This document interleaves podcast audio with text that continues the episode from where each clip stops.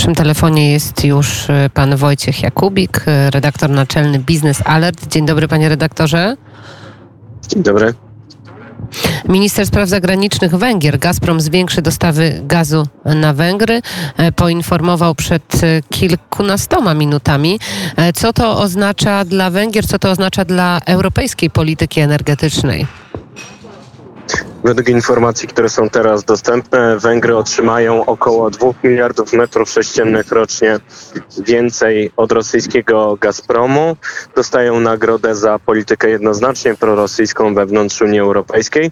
Natomiast cała Europa ma dostawy z Rosji ograniczone o kilkadziesiąt miliardów metrów sześciennych e, rocznie i również Węgry płacą rekordową cenę za ten gaz właśnie przez tę politykę Gazpromu, więc y, ten egoizm Węgrów tutaj i tak nie przyniesie oczekiwanych efektów ekonomicznych. Kryzys energetyczny podsycany przez Rosjan będzie trwał, będzie odczuwalny także na Węgrzech i zamiast polityki wyłamywania się e, z sankcji, wyłamywania się z oporu wobec Rosji powinniśmy jeszcze mocniej objąć sankcjami Rosję, czy to sankcje wizowe ostrzejsze niż te, o których słyszeliśmy dzisiaj, czy też y, nowe sankcje wobec rosyjskiego Gazpromu powinny być dalej wprowadzane, bo Władimir Putin wykorzystuje wpływ na energetykę europejską do celów politycznych, chce nas sparaliżować kryzysem energetycznym po to, byśmy przestali wspierać Ukrainę.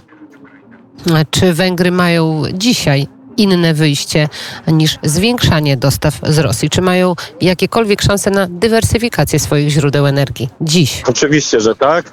Mają nawet udziały w terminalu, w firmie, która zarządza e, e, terminalem naftowym w Chorwacji. Stamtąd mogą sprowadzać nierosyjską ropę bez problemu. Są mniej zależni od ropy rosyjskiej niż Polska do tej pory. Jeśli chodzi o gaz, także mogą sprowadzać go z innych kierunków, ale nie chcą konsekwentnie od wielu lat, wchodząc w głębszą zależność od e, Rosji i o ile Niemcy zdają się w końcu dochodzić do refleksji w tej sprawie, to Węgry Viktora Orbana nie. E, to jest ta najświeższa informacja, ale także mamy informacje związane z ograniczaniem dostaw gazu właśnie między innymi do Włoch, a także w perspektywie y, może się to wydarzyć do innych krajów Unii Europejskiej. Jakie powinny być działania struktur Unii Europejskiej, jaka powinna być narracja płynąca y, właśnie z, z bloku 27 krajów? Nie dzieje się nic nowego. Jest więcej tego samego. Od wakacji 2021 roku Rosjanie systematycznie ograniczają podaż gazu w Europie, wiedząc, że zamyka im się okno możliwości wpływania na sytuację na kontynencie. Chcą w ten sposób powstrzymać wsparcie dla Ukrainy, które jest coraz większe, nie coraz mniejsze na szczęście. I y, kolejnym elementem eskalacji y, na rynku gazu, która ma deeskalować wsparcie y, Zachodu na Ukrainie, to są nowe wieści o dalszym ograniczeniu dostaw gazu.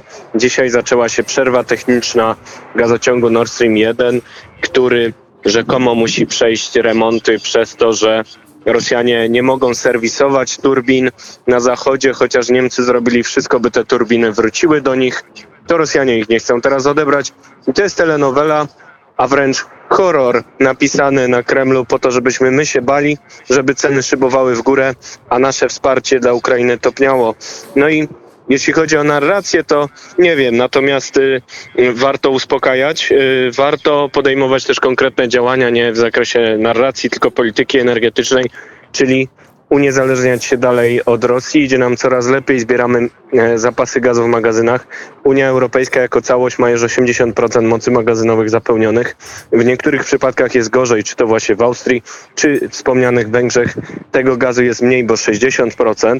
I tutaj wejdą mechanizmy solidarnościowe, czy to dzielenie się e, zapasami gazu, czy to wspólne zakupy pozwalające sprowadzać ten gaz z różnych kierunków, jak do odciętej Bułgarii z Azerbejdżanu, czy inne nowe pomysły, które pomogą nam uniezależnić się od Rosji e, poprzez współpracę wewnątrz Unii Europejskiej powinny przynieść efekt. Władimir Putin chce, żebyśmy się bali, ale generalnie to jego stacja benzynowa zaraz zostanie zamknięta. Rzecznik rządu Piotr Müller powiedział, że w całej Unii Europejskiej w pierwszym kwartale 2022 roku w porównaniu do 2020 roku koszty energii elektrycznej były wyższe o 37% dla gospodarstw domowych, a dla przemysłu o 42%. Jak pan ocenia działania rządu hamujące wzrosty cen energii, między innymi obniżenie podatków w poszczególnych sektorach czy wprowadzenie taryfikacji, a także to, o czym powiedział podczas spotkania z prezydentem Francji Emmanuelem Macronem Mateusz Morawiecki, czyli o e, maksymalnej kwocie e, za e, tonę emisji CO2 na poziomie 30 euro. Pan premier przedstawił prawdopodobnie maksimum oczekiwań Polski, z których będzie teraz schodził, bo Komisja Europejska już zadeklarowała, że aż tak daleko e, pewnie państwa członkowskie nie będą chciały pójść. Natomiast różne rzeczy niemożliwe do niedawna przez kryzys energetyczny stają się możliwe. Postulat reformy systemu handlu emisjami na różne możliwe sposoby po to, aby dać ulgę w dobie kryzysu energetycznego, znajdują coraz większy posłuch.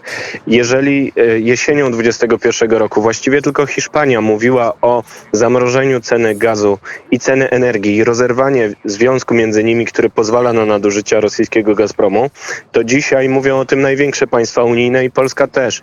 Być może poprze taki e, postulat. Następny szczyt Rady Unii Europejskiej będzie poświęcony znowu kryzysowi energetycznemu i tam Polska może wiele wynegocjować dla dobra naszych odbiorców energii, gazu i ciepła, ale też dla dobra całego kontynentu, który jest e, silniejszy niż gospodarka rosyjska, która coraz mocniej odczuwa sankcje, która będzie je odczuwać tym bardziej w nowym roku, kiedy Polska i Niemcy, dwóch największych klientów na ropę rosyjską, porzucą dostawy z tego kierunku do zera całkowicie i e, to Rosjanie powinni się martwić. My sobie oczywiście poradzimy. Mamy niestety przed sobą jeszcze kryzys y, gospodarczy związany z kryzysem energetycznym.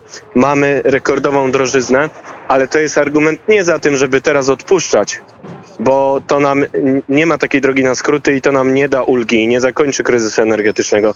Ale to jest właśnie argument za jak najbardziej zdecydowanymi działaniami na jak największą skalę, bo one jak najszybciej przyniosą efekt. Bardzo dziękuję za ten głos. Pan Wojciech Jakubik, redaktor naczelny Biznes Alert. Dziękuję za rozmowę. Dziękuję.